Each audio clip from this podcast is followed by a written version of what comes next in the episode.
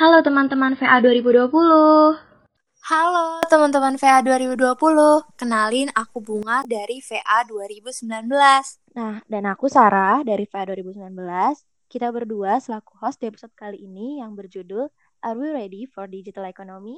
Binfa kali ini siapa lagi bidang tamunya, Bung? Wah, pasti udah pada kepo banget kan? Kita kedatangan bintang tamu yang pastinya bakal seru banget tau, Sar. Demi apa sih, Bung? Siapa nih?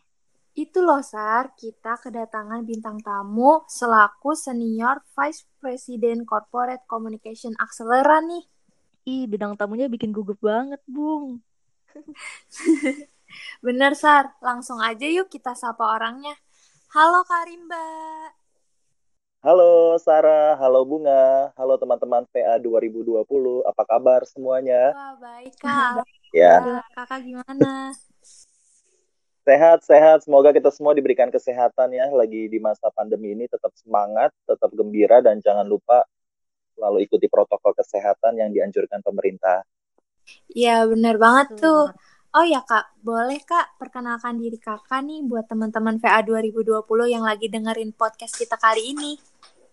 Oke, boleh. Sebelumnya saya mengucapkan terima kasih buat Bunga, buat Sarah, buat seluruh tim yang telah mengundang saya untuk mengikuti podcast di VA 2020 ini bersama dengan teman-teman VA 2020. Perkenalkan nama saya Rimba Laut. Saya saat ini bekerja di PT Akseleran Keuangan Inklusif Indonesia yang merupakan salah satu platform fintech peer-to-peer lending yang sudah berizin di OJK. Saya sendiri sebagai Senior Vice Wah, President Corporate banget ya Communication teman-teman dari VA Akseleran. 2020 bintang tamu podcast kita kali ini. Nah, jadi tuh di Binfa kali ini kita mau bahas tentang financial technology nih, khususnya di peer-to-peer lending.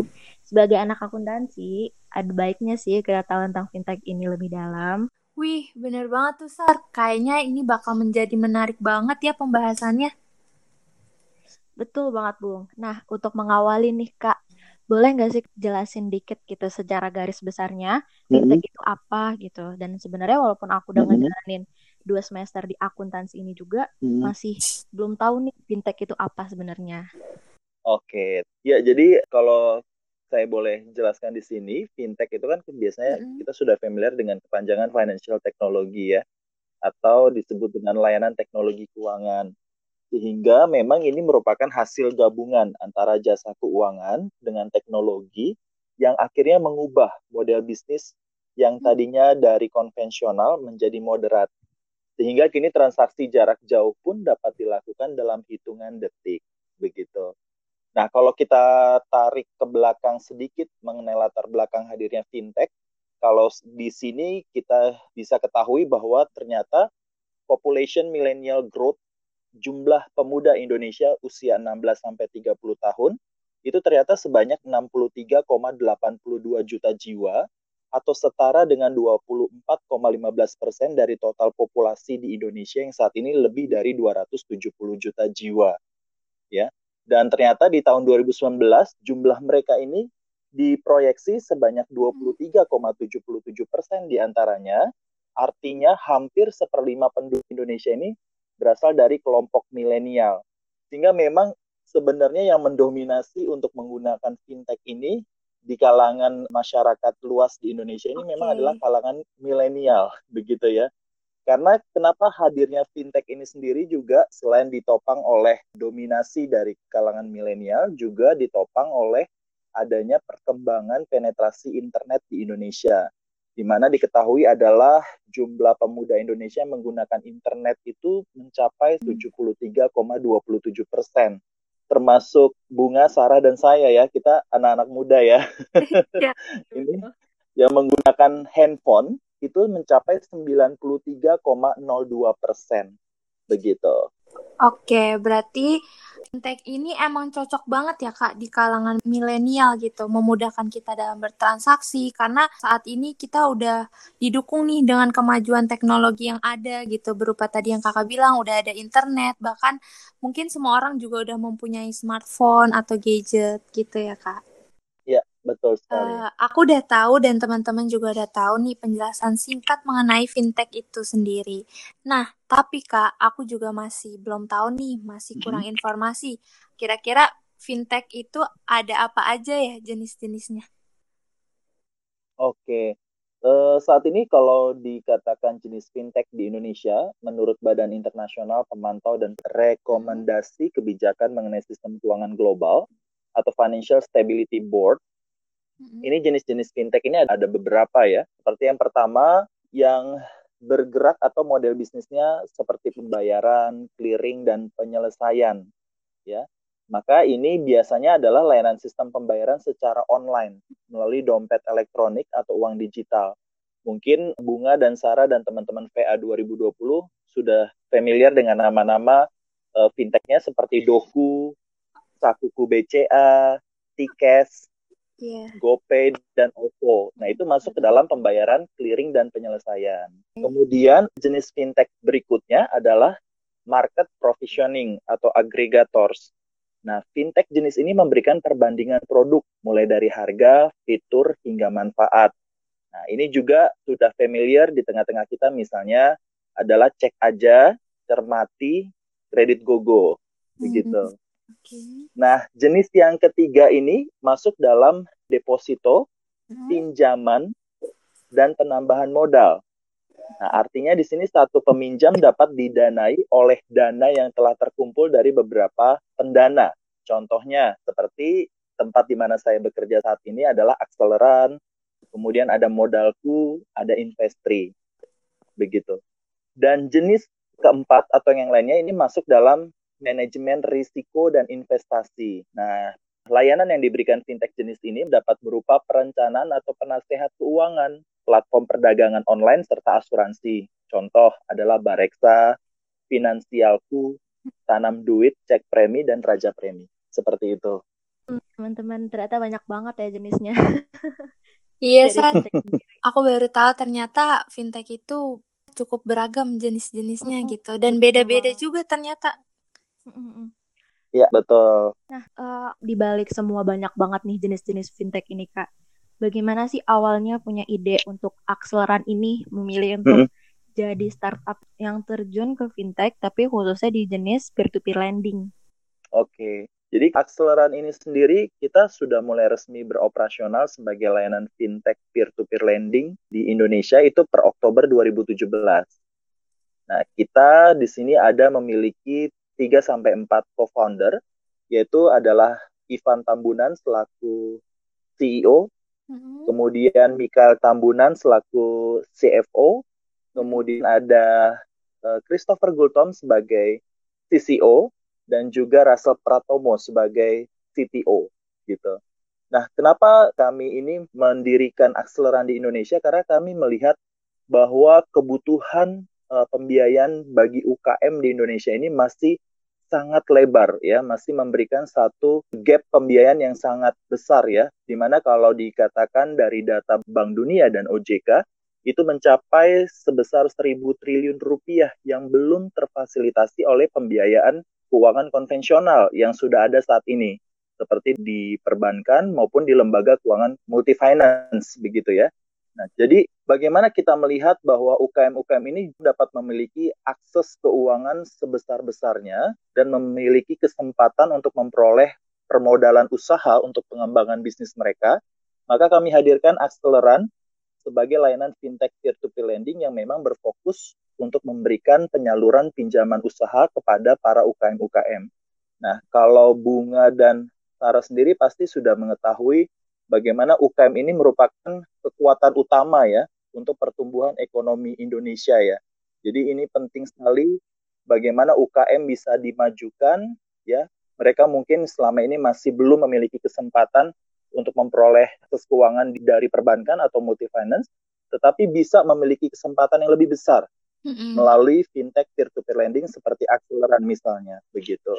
Oke, berarti aku paham nih Kak. Akseleran ini ternyata bisa memecahkan nih masalah dari UKM-UKM yang ada yang mungkin kesulitan dalam permodalan gitu. Sehingga akseleran ini bisa jadi peluang atau solusi uh, untuk meminjamkan atau ada memiliki kesempatan pinjaman untuk permodalan usaha dalam bisnis UKM yang ada di Indonesia ya Kak.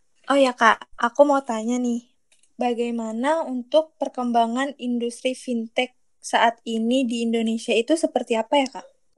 Oke, kalau dari perkembangan industri di fintech di Indonesia saat ini sangat pesat ya, khususnya di 2 sampai 3 tahun terakhir ini. Khususnya adalah untuk fintech peer-to-peer lending atau fintech lending yang sampai dengan hari ini sudah ada sebanyak 158 fintech peer-to-peer lending yang berstatus berizin dan terdaftar di Otoritas Jasa Keuangan. Mm -hmm. Di mana dari 158 yang berizin dan terdaftar tersebut, sebanyak 33 yang berizin mm-hmm. di OJK dan selebihnya adalah uh, dengan status terdaftar di OJK begitu. Mungkin kalau saya boleh sedikit jelaskan kepada Bunga dan Sarah dan teman-teman VA 2020 di sini adalah apa sih perbedaan berizin dan terdaftar begitu ya?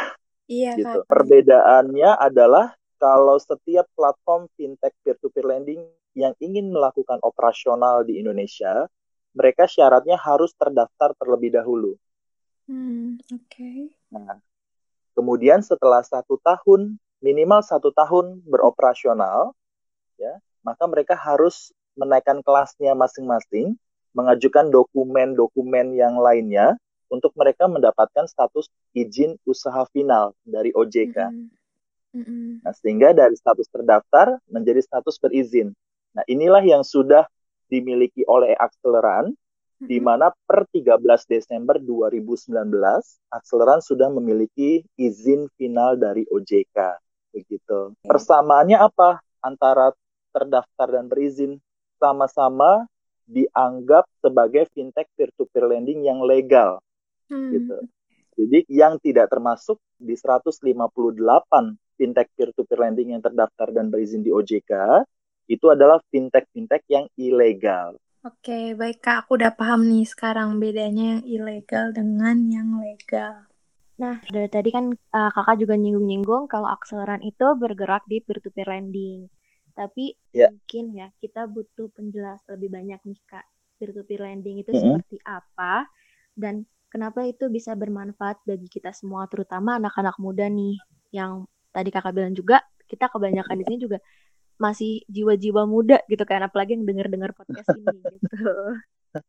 Oke, baik. Kalau kita dengar peer-to-peer lending memang sebenarnya masih ada orang yang masih belum tahu begitu ya. Apa sih peer-to-peer lending itu sendiri begitu kan? Nah, peer-to-peer lending ini sendiri sebenarnya sebagai uh, platform yang menghubungkan antara pemberi pinjaman atau disebut dengan pendana dengan peminjam. Ya secara online. Sehingga peer-to-peer lending ini memungkinkan setiap orang untuk memberikan pinjaman atau mengajukan pinjaman yang satu dengan yang lain untuk berbagai kepentingan tanpa menggunakan jasa dari lembaga keuangan yang sah sebagai perantara. Gitu. Jadi pada dasarnya sistem peer-to-peer lending ini sangat mirip dengan konsep marketplace online yang menyediakan wadah sebagai tempat pertemuan antara pembeli dengan penjual. Di mana dalam hal peer-to-peer lending ini sistem yang ada akan mempertemukan pihak peminjam dengan pihak yang memberikan pinjaman. Jadi boleh dikatakan bahwa peer-to-peer lending merupakan marketplace untuk kegiatan pinjam meminjam uang. Uh, Oke okay nih kak, tadi kakak udah kasih tahu ke kita kalau akseleran ini udah ada izin dan legal ya jelas dari ojek. Yeah. Nah, tapi pasti dong Kak sebenarnya ada nih resiko-resiko yang mungkin terjadi dan harus kita ketahui saat kita mau mulai melakukan peer-to-peer lending ini gitu. Ya. Jadi memang yang namanya peer-to-peer lending ini kalau disebut dengan risiko ini lebih kepada pada saat proses pemberian pinjaman ya. Mm -mm. atau lender-lender mm -mm. ya yang memberikan dana pinjaman untuk mendanai UKM-UKM yang ada di platform akseleran misalnya begitu ya. Mm-hmm. Nah, keuntungannya adalah kalau di akseleran itu siapa pun bisa memberikan dana pinjamannya mulai dari seratus ribu rupiah gitu. Mm-mm. Nah, yang tadi dari bunga tanyakan sisi risikonya gimana? Iya. Kalau di peer-to-peer lending itu yang namanya memberi dana pinjaman artinya mendanai begitu ya. Benarnya itu juga sama dengan mengembangkan dana karena memang ada imbal hasil yang akan diperoleh setiap lender yang memang mengembangkan dananya di platform peer-to-peer lending akseleran. Oke. Kalau di sektor perbankan, biasa itu disebut dengan investasi. Ya entah itu dalam bentuk tabungan atau deposito atau juga ada investasi emas, investasi saham dan lain sebagainya begitu. Mm-mm. Tapi kalau di peer-to-peer lending kita tidak sebut dengan investasi walaupun memang pada prakteknya sebenarnya hampir sama. Tapi kita sebutnya adalah pengembangan dana. Oke. Jadi dari sisi risikonya adalah kalau misalnya saya atau Bunga atau Sarah memberikan dana pinjaman sebagai lender status kita ya, karena kita memberikan dana pinjaman, maka risikonya adalah ada telat bayar atau gagal bayar dari pihak si peminjam atau UKM-nya gitu. Nah, itu dari sisi risikonya. Tapi sejauh ini kalau di akseleran sendiri kita sudah melakukan langkah mitigasi risiko kredit macet yang mumpuni sehingga sampai dengan hari ini akseleran sendiri memiliki satu tingkat pengembalian gagal bayar dari borrower itu termasuk yang rendah di Indonesia gitu. Sampai dengan hari ini kalau saya coba buka dari website akseleran ya, nah ini kita TKB total atau tingkat pengembalian total dari penyaluran pinjaman usaha kita itu 99,64 persen. Artinya tetap di bawah satu persen dan ini risikonya memang termasuk yang relatif rendah begitu. Hmm. Terus gimana sih Kak? Aku kepo kalau misalnya ada yang Hmm. telat bayar gitu ya. Itu akseleran sendiri memberikan mungkin ada syarat-syarat atau sanksi atau apa gitu Kak untuk orang yang meminjam Ya, akseleran ini gitu. ya, Mungkin ada solusi yang terbaik nih bagi kita sebagai lender gitu. ya. Jadi kalau di akseleran ini sendiri karena kita adalah peer-to-peer lending Mm-mm. yang memang basisnya adalah peminjaman kepada UKM ya, jadi fokus kepada productive loan yang gunanya juga ada berupa invoice financing maupun receivable financing dan itu difidusiakan. Maka memang apabila dari si borrower atau si UKM sebagai peminjam mengalami keterlambatan pembayaran, di mana di sini keterlambatan pembayaran untuk di fintech peer-to-peer lending itu 90 hari maknanya. Jadi kalau sudah lebih dari 90 hari, itu kita kategorikan adalah kredit macet atau NPL, begitu. Nah, apa yang kita lakukan apabila ada borrower atau UKM sebagai peminjam yang melakukan keterlambatan pembayaran? Biasanya kita dari tim penagihan internal akseleran itu selalu melakukan upaya-upaya yang selalu kooperatif dan benar-benar transparan baik kepada borrowernya maupun kepada lendernya gitu. Nah, biasanya ada hal-hal yang dilakukan misalnya H-7 sebelum tanggal jatuh tempo, itu biasanya kita lakukan follow up kepada si borrowernya terlebih dahulu. Baik itu bisa melalui SMS, baik itu bisa melalui email sebagai pengingat bahwa tanggal jatuh tempo sudah sebentar lagi dan dimintakan kepada borrower atau peminjam untuk melakukan pembayaran. Kemudian kalau H-3 masih tetap belum bayar, biasanya dari tim penagihan kami melakukan desk collection, yaitu dengan menghubungi si borrower yang bersangkutan. Nah, biasanya kalau ada saja yang mungkin memang tidak merespon saat itu mungkin sedang ada kesibukan borrowernya atau ada hal-hal lainnya, maka biasanya kita coba upayakan bisa memiliki komunikasi yang baik kepada si borrower sehingga kita memiliki satu perjanjian ya untuk bertatap muka langsung. Jadi kita cari uh, win-win solutionnya dengan catatan bahwa memang si borrower bagaimanapun juga harus tetap melakukan pembayaran karena ada surat perjanjian yang mereka telah setujui begitu kan. Apabila pun kalau misalnya mereka tetap tidak bisa melakukan pembayaran di hari ke-90, maka hal pertama yang kita lakukan kalau si lendernya itu memberikan pinjamannya kepada UKM yang memang terproteksi oleh asuransi kredit, maka kita langsung ajukan klaim terlebih dahulu. Sehingga kalau si lender-lendernya yang memberikan dana pinjamannya ke pinjaman yang memang ada proteksi asuransi kredit, mereka berhak mendapatkan maksimal 85% dari pokok dana yang mereka pinjamkan ke si UKM yang bersangkutan. Oke. Okay. Oke. Okay. Nah, mungkin Sarah sama Bunga bertanya 15 persennya lagi ke mana nih Kak? Gitu ya. Nah, 15 persennya lagi adalah masih dalam tahap proses penagihan oleh tim penagihan internal kami. Ada sampai hal terakhir yang kita lakukan adalah ada upaya hukum juga gitu karena memang agunan mereka misalnya berupa invoice financing itu memang kita datakan dan kita fidusiakan, kita ikat secara hukum. Sehingga kalau ada satu waktu si borrowernya ini memang tidak bisa melakukan pembayaran, kita lakukan upaya-upaya hukum melalui persidangan. Begitu. Oke, berarti akseleran ini juga punya aturan yang uh, berlaku ya Kak bagi borrower-borrower ini gitu. Kita juga nggak main-main lah gitu. Dan kita juga ikuti peraturan yang ada. Gitu. Betul sekali. Nah, udah jadi sifat manusia nih Kak, pasti mencari keuntungan dari produk atau layanan yang mereka pakai nih, yang mereka yakinin gitu kan.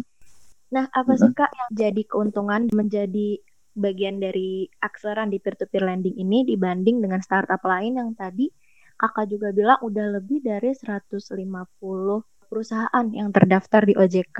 Dan yeah. mungkin mereka juga menyediakan pelayanan yang sama gitu Kak. Ya, dari sisi keuntungan tentu kita kembali lagi kepada visi dan misi kita di awal ya, bahwa memang kita ingin memajukan bisnis UKM di Indonesia yang sebelum-sebelumnya masih memiliki keterbatasan akses keuangan kepada lembaga keuangan yang ada saat ini. Begitu. Nah, yang kedua adalah kita juga ingin mengedukasi kepada seluruh masyarakat Indonesia dari berbagai lapisan baik itu dari ibu rumah tangga, para pekerja, para mahasiswa, kemudian para kalangan profesional, entrepreneur, ya, dan lain sebagainya untuk mereka bisa melihat bahwa peer-to-peer lending ini bukan hanya sebagai peminjaman uang online saja begitu, tapi juga sebagai alternatif layanan untuk pengembangan dana buat masa depan mereka di mana ini memang sama dengan kaitannya berinvestasi begitu. Jadi kalau mis misalnya contoh bunga atau sarah begitu ya, sudah mulai mengetahui ada layanan e, seperti fintech peer-to-peer lending yang bisa menjadi alternatif pengembangan dana untuk pendanaan UKM. Kemudian bunga misalnya tiap bulan atau tiap minggu lah lalu memberikan pendanaan 100 ribu, 200 ribu misalnya gitu. Karena mulai dari 100 ribu kalau di akseleran dan itu akan mendapatkan imbal hasil yang menarik begitu. Dan ternyata tanpa disadari mungkin setahun dua tahun tiga tahun kemudian dana dari bunga atau sarah yang selalu memberikan pinjaman kepada UKM melalui platform Akseleran itu terus berkembang dananya gitu. Jadi kita mau lihat di sini bahwa ternyata yang namanya inklusi keuangan di Indonesia itu tidak hanya bicara mengenai peminjaman uang, tetapi akses keuangan di sini juga bicara tentang bagaimana orang bisa berinvestasi atau mengembangkan dananya ya melalui layanan fintech peer-to-peer lending seperti Akseleran. Jadi ini ada dua mata sisi kalau kita bicara tentang inklusi keuangan. Dan Akseleran berharap sekali melalui kehadiran Akseleran kita juga bisa meningkatkan atau mewujudkan inklusi keuangan di Indonesia menjadi realitas. Artinya masyarakat juga bisa mendapatkan akses keuangan dengan memperoleh permodalan usaha bagi kemajuan bisnis usaha atau UKM mereka, tetapi di sisi lain masyarakat juga bisa memiliki kesempatan yang selebar-lebarnya untuk mengembangkan dananya melalui platform peer-to-peer lending akseleran dengan memberikan dana pinjaman mereka untuk pendanaan UKM di Indonesia. Oke kak, wah ternyata aku tahu banget nih si akseleran ini benar-benar berguna banget bagi teman-teman yang mungkin punya usaha UMKM yang butuh yeah. pinjaman modal gitu ya kak, bisa membantu bisnis UMKM yang ada nih di Indonesia. Oke, jadi uh, boleh nih kak, mungkin gambaran singkat tentang sebenarnya apa sih akseleran itu gitu yang mungkin secara kata-kata sederhana yang bisa kakak kasih tahu ke teman-teman VA 2020 dari tadi kan kita udah bahas akseleran ini banyak banget gitu ya kak tapi mungkin teman-teman ya. VA 2020 nih belum ngeh nih sebenarnya apa sih akseleran hmm. itu gitu oke okay. jadi akseleran merupakan platform peer-to-peer lending yang sudah berizin dan diawasi oleh otoritas jasa keuangan yang berfokus pada penyaluran pinjaman usaha produktif untuk memajukan bisnis UKM yang ada di Indonesia. Namun di sisi lain juga Akseleran sebagai platform peer-to-peer lending juga bisa menjadi alternatif pengembangan dana terbaik bagi semua lapisan masyarakat Indonesia yang ingin mengembangkan dananya dan mendanai UKM-UKM di Indonesia dengan cara yang mudah ya mulai dari 100 ribu rupiah setiap orang bisa menjadi pendana atau lender di akseleran dengan imbal hasil yang akan diperoleh mencapai sebesar hingga 21% per tahun. Mm-hmm. Begitu. Kak, berarti aku misalnya aku punya utang, aku bisa menjadi lender gitu Kak di akseleran, bukan hanya menjadi borrower. Bisa, oh. betul. Jadi betul. Uh, sepanjang memang punya KTP mm-hmm. dan punya buku tabungan pribadi, mm-hmm. mulai dari 100 ribu rupiah sudah bisa menjadi lender di Acceleran. Oke, terus nanti keuntungan yang aku dapat apa kak sebagai lender itu? Keuntungan yang didapat adalah pertama akan memperoleh imbal hasil atau bunga dari dana yang didanai. Okay. Ya, bunganya yang didapatkan atau imbal hasil yang didapatkan mencapai sebesar hingga 21% per tahun. Oh, Begitu. Tuh, oke Kak, aku paham nih sekarang. Oke, nah kita lihat-lihat juga nih akseleran ini tuh udah berkembang pesat kan kak Ya. itu ini tuh awalan mendirikan kayak mungkin cerita pengalaman pertama kali mendirikan akseleran di Indonesia ini kayak gimana sih kak? Jadi ini saya juga uh, selalu ngobrol ya dengan para co-founder akseleran mm -hmm. ya. Nah ketika saya coba ngobrol uh, ternyata saat mereka mendirikan uh, akseleran ini juga bukan sesuatu hal yang mudah ya karena memang dibutuhkan sekali memang satu orang-orang yang berkompeten ya di bidangnya masing-masing kemudian dijadikan satu untuk mereka bisa berkolaborasi ya untuk memberikan sesuatu yang sangat besar bagi pertumbuhan ekonomi di Indonesia melalui kemajuan UKM begitu. Jadi yang pasti produk akseleran ini adalah produk yang memang dibutuhkan oleh market dan juga memiliki satu keistimewaan di mana memang akseleran ini sangat transparan dalam memberikan layanannya baik kepada lender maupun kepada borrower juga kepada masyarakat luas ya dan banyak sekali hal-hal edukasi yang diberikan supaya masyarakat itu semakin memahami dengan baik dan benar peranan dan keberadaan dari akseleran di Indonesia. Jadi untuk pendirian akseleran ini sendiri memang kita harapkan ya dengan adanya akseleran kita juga bisa mewujudkan inklusi keuangan di Indonesia ini menjadi realitas. Oke, nah aku udah tahu nih kurang lebih ya kak awal mula atau gimana kakak mendirikan startup si akseleran ini. Tapi kak pasti mungkin nih dalam proses mendirikan atau experience kakak di perusahaan ini di bisnis ini ada nggak sih kak tantangan terbesar gitu atau kondisi tersulit dalam menjalankan bisnis startup apalagi dalam bidang fintech khususnya peer to peer lending ini nih kak? Oke, kendala yang sangat uh, sulit sebenarnya bukan dikatakan sulit ya, mm-hmm. tapi kendala terbesar lah dan memang ini yang harus terus dikerjakan adalah edukasi kepada masyarakat. Okay. Begitu.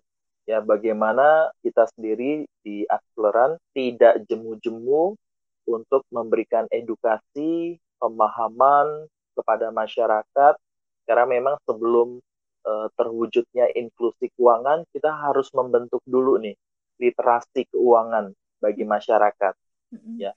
Karena memang ketika mereka sudah memahami, mengetahui dan mengenal akseleran, pasti mereka memiliki satu rasa keinginan yang kuat untuk bagaimana juga menggunakan akseleran. Baik mereka dari sisi borrower atau peminjam maupun mereka dari sisi pemberi pinjaman atau lender. Edukasi-edukasi apa saja yang kita lakukan? Ada beberapa hal yang terus kita lakukan secara keren.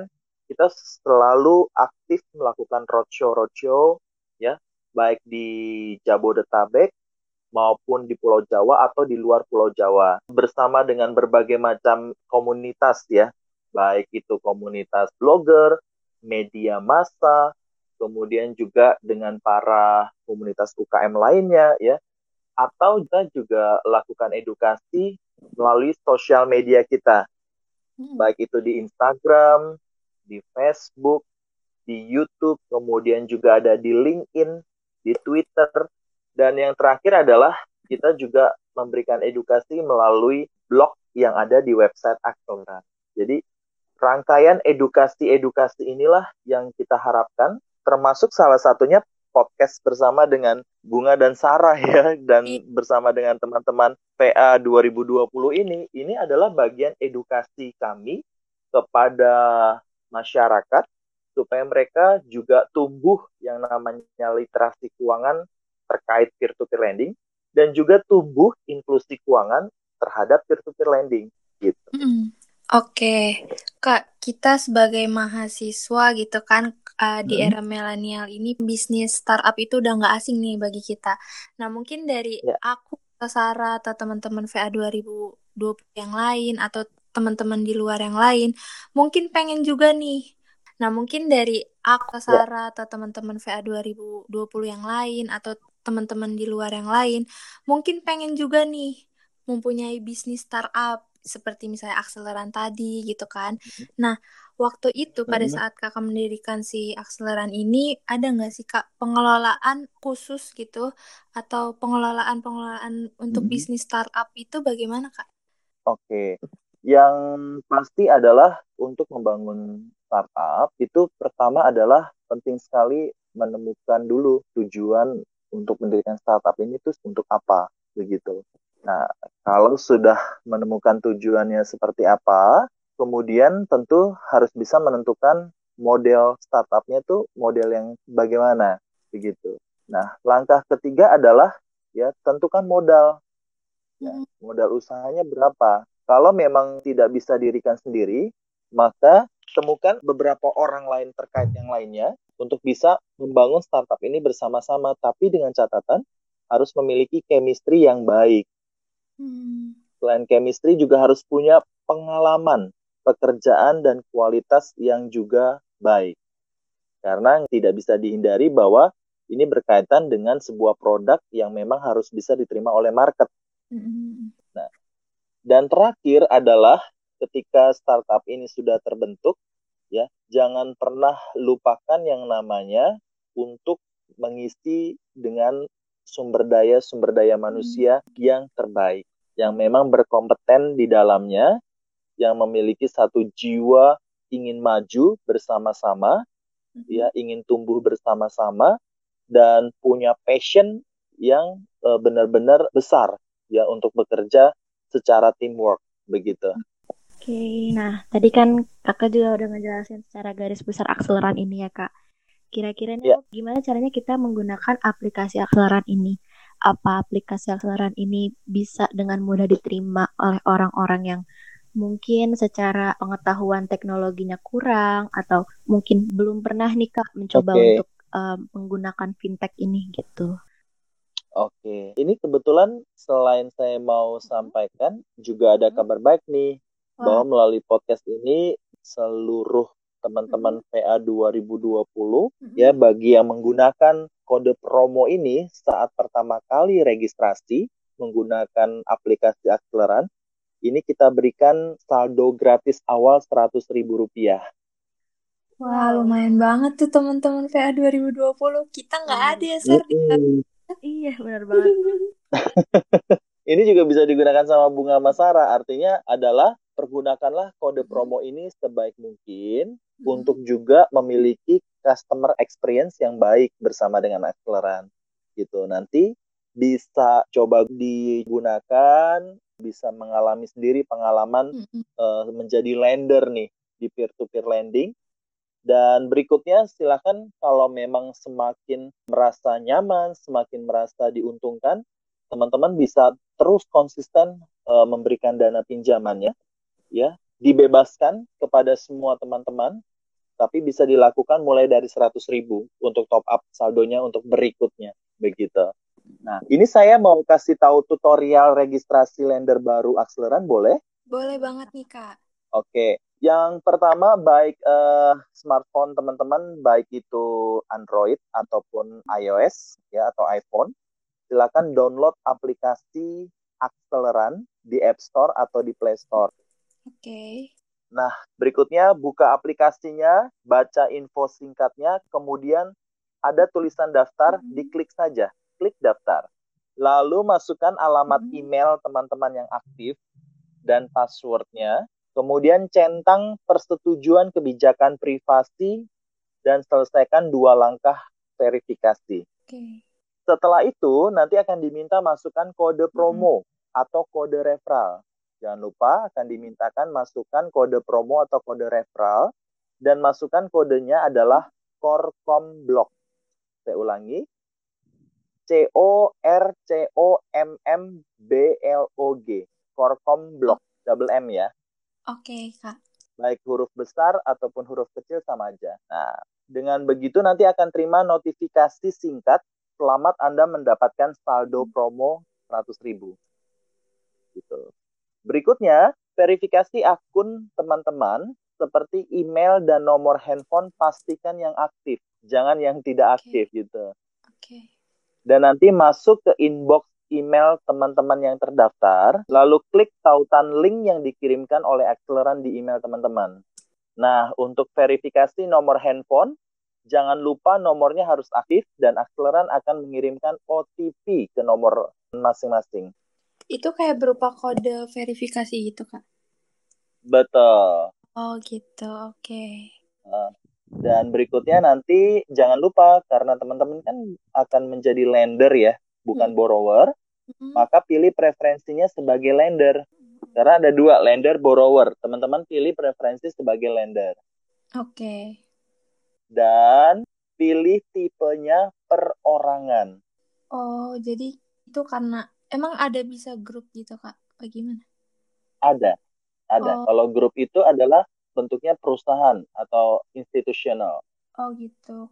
Nah, langkah berikutnya untuk tahap pengisian data diri ya siapkan KTP hmm. siapkan nomor rekening bank pribadi yang valid sesuai buku tabungan untuk EYC-nya tanda tangan perjanjian keanggotaan ini nanti ada dengan Privy ID ikuti aja sesuai yang dimintakan di aplikasi hmm. oke okay. lalu terima notifikasi ke inbox email yang dimasukkan hmm. jika sudah dapat notifikasi 100% maka dinyatakan proses registrasi dan pengisian diri berhasil. Oh gitu, berarti lumayan mudah menggunakan akseleran. Lumayan ini. mudah, mudah ya. sekali. Nah, untuk memberikan dana 100 ribunya tadi. Masuk atau login lagi ke akun akseleran yang bersangkutan. Kemudian tinggal pilih saja pinjaman mana yang mau didanai dengan saldo 100 ribu rupiah tersebut. Oh, jadi nanti ada pilihannya gitu. Kita mau kasih pinjam Bet dana kita tuh ke siapa? Ke mana? Betul, betul. Dengan catatan memang di situ yang belum terkumpul 100% ya. Jadi itu ada beberapa campaign pinjaman yang tampil di platform aplikasi Acceleran. Ya. Kalau yang belum fully funded atau yang belum terkumpul 100%, itulah yang bisa kita danai. Hmm, gitu, oke. Okay. Ya. Kemudian klik beri pinjaman ya bukan ajukan pinjaman tapi klik beri pinjaman. Kemudian untuk saldo promo Rp100.000 dan bunganya baru hmm. bisa ditarik begitu masa tenor pinjaman si UKM atau borrower berakhir. Jadi kalau misalnya bunga nanti berikan pinjaman ke campaign pinjaman dengan tenor misalnya tiga bulan ya. Iya. Berarti nah, itu jangka tenor itu bervariasi gitu. Ada yang tiga. Bervariasi, betul. Ada yang uh, satu bulan, dua bulan, tiga bulan, empat bulan, ada oh, bahkan okay. yang dua belas bulan. Nah, tapi selain dari tenor tersebut, juga hmm. ada bunganya berbeda-beda. Ada yang 15%, ada yang 16%, begitu. Oh, gitu. Oke, okay, oke. Okay. Nah, kemudian ada juga yang di campaign pinjamannya ada yang terproteksi asuransi kredit, ada yang tidak.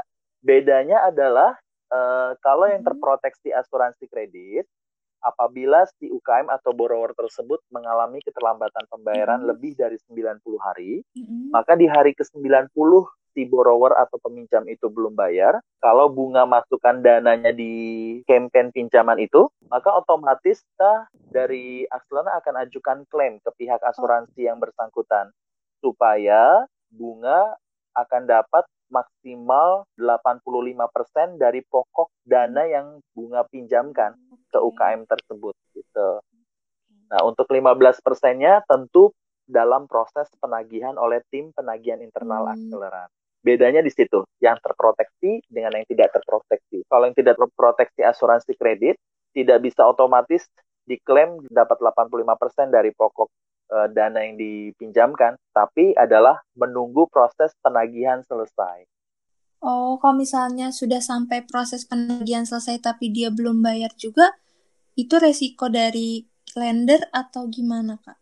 Iya, pertanyaan bagus banget kalau sampai si UKM atau borrowernya belum bayar-bayar juga nih, mm-hmm. ya kan? Dan sudah lebih dari setahun belum bayar, mm-hmm. maka itu akan masuk ke dalam kelompok dana tak tertagih. Oke. Okay.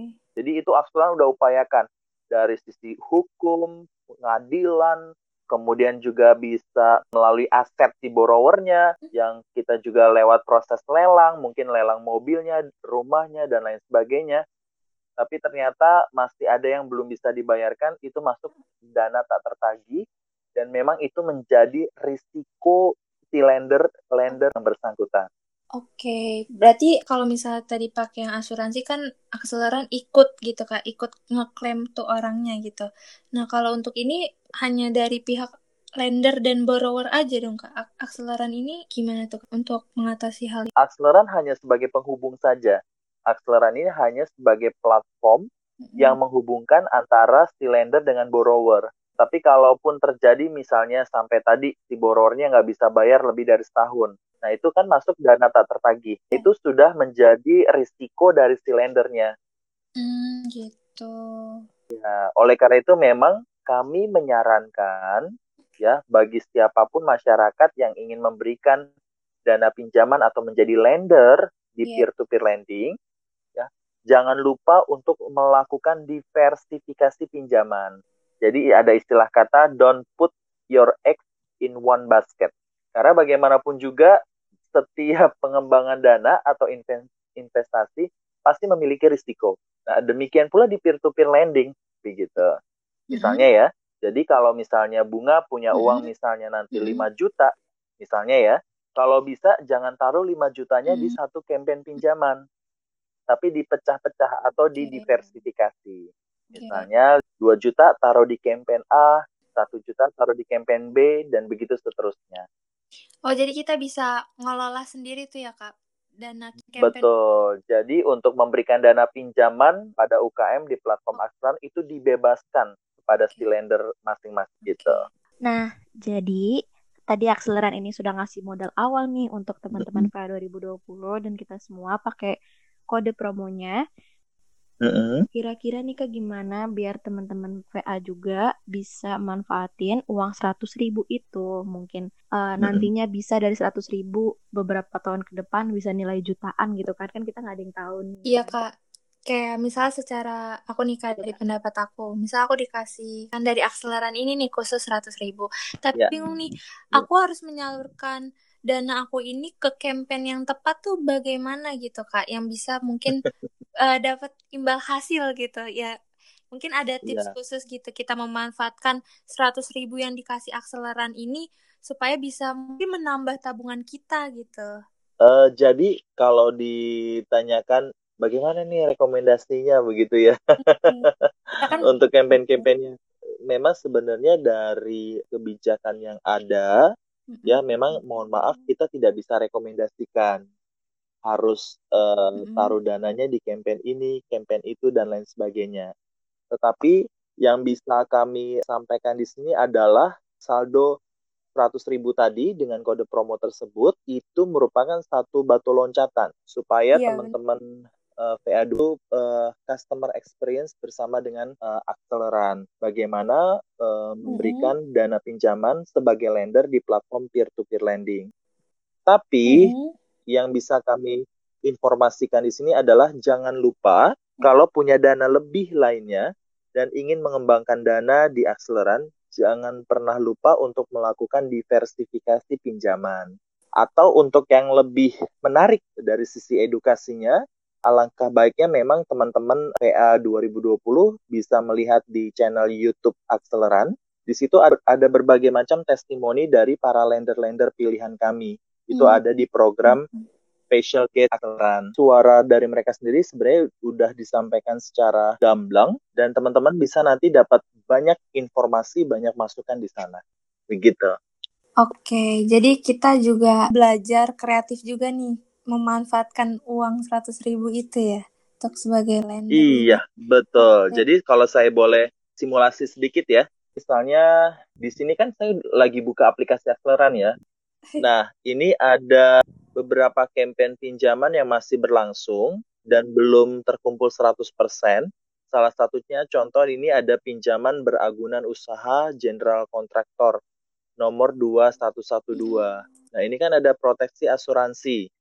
Mhm. Kemudian jumlah pinjamannya dia 1,2 miliar. Tenornya dua bulan. Bunga efektif 15%. Agunannya ada. Kemudian angsuran pokok dibayar di akhir tenor. Angsuran bunga dibayar tiap bulan. Kemudian diklik campaign pinjaman itu. Diklik berikan pinjaman. Misalnya contoh 100 ribu ya. Mhm. Nah, dihitung. Nah, maka dalam dua bulan ke depan yang akan didapat adalah sebesar 102.500 Oke. gitu. Nah, kalau misalnya mau nambahin dananya lagi, misalnya di campaign pinjaman seperti Iya. itu, misalnya ya, sebesar satu juta rupiah, maka yang didapat Hmm. dalam dua bulan kemudian satu juta dua puluh lima ribu rupiah. Jadi Hmm. ini benar-benar imbal hasil atau bunganya sangat menarik karena ini empat Gitu. kali lebih tinggi daripada bunga deposito di bank. Nah, ternyata terbukti nih kalau peer-to-peer lending ini bermanfaat untuk kita semua. Dari sisi lender maupun borrowernya. Dan bisa bantu UMKM. Secara UMKM itu kan salah satu penggerak ekonomi Indonesia. Jadi terbukti banget nih kalau Acceleran is the solution for us. Iya, saya setuju. Akseleran ini is the solution for us. Karena sebagai mahasiswa nih, Sar, kita bisa loh belajar dari sini nih.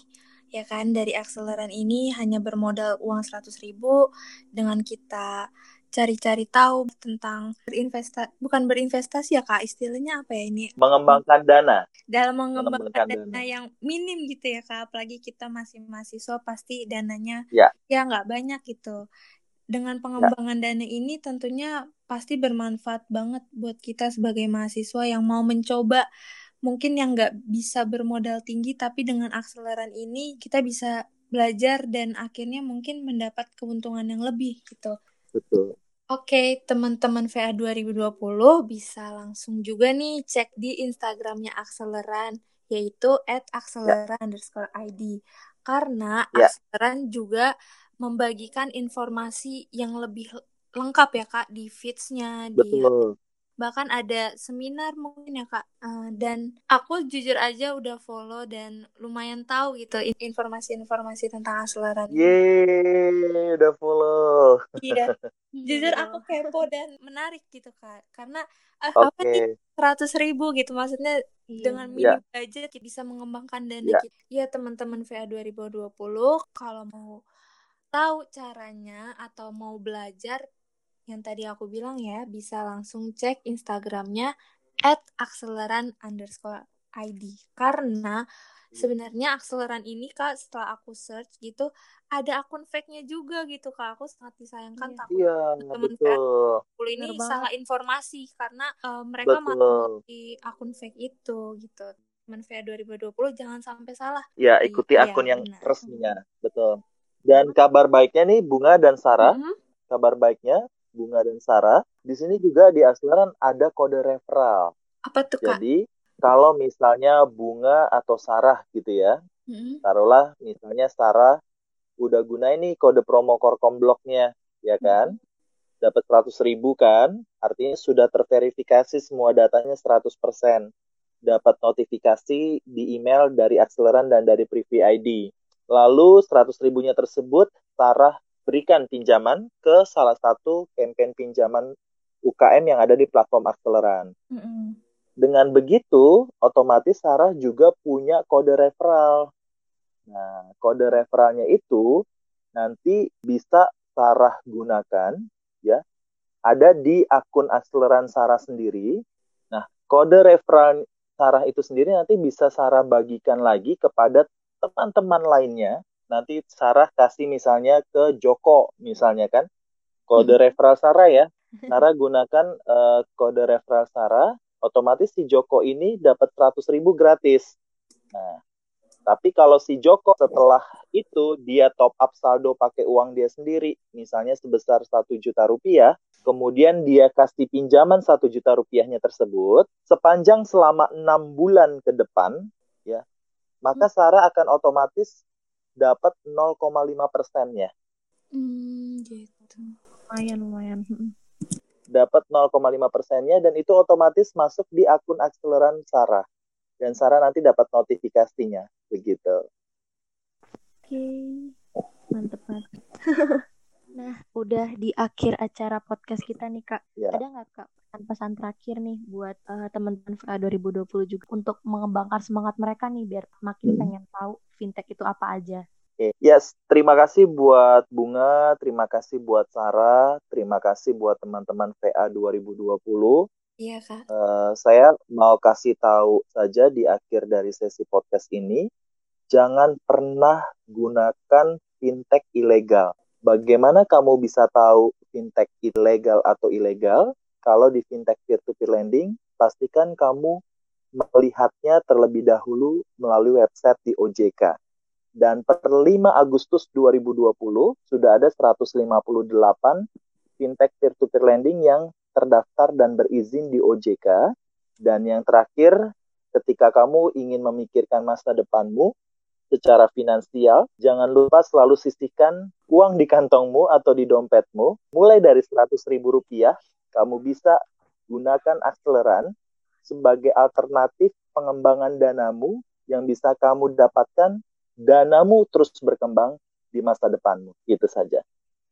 Wah, menarik banget nih emang akseleran ini ya, Kak. Oke, buat teman-teman VA 2020 nih, mungkin masih penasaran atau mau tanya-tanya tentang pembicaraan podcast kita kali ini, boleh banget loh langsung tanya melalui comment section feed teaser podcast episode Are We Ready for Digital Economy di Instagram MBVA 2020 ya. Terima kasih buat Karimba yang sudah berbagi pengetahuan yeah. Binfa kali ini. Dan terima kasih juga buat Akseleran yang mensupport uh, kita semua buat belajar fintech, terutama di peer-to-peer lending langsung lewat aplikasinya. Iya, ya. kasih ya Kak dan tim Akselera. Terima kasih. Kita juga mau bilang terima kasih juga buat teman-teman VA 2020 yang mau meluangkan waktunya untuk mendengarkan podcast kali ini yang sangat menarik dan tentunya bermanfaat banget nih bagi kantong mahasiswa. Betul banget. Oke okay, deh Kak. Oke, sampai jumpa di lain kesempatan dan pastikan kamu gunakan kode promo core-nya, nikmati customer experience bersama dengan Acceleran. Mulai dari Rp100.000, kamu akan dapatkan imbal hasil sebesar hingga 21% per tahun. Terima kasih dan sampai jumpa. Oke, terima kasih Karimba dan teman-teman VA 2020. Sampai ketemu di podcast selanjutnya ya. Bye teman-teman. Dadah.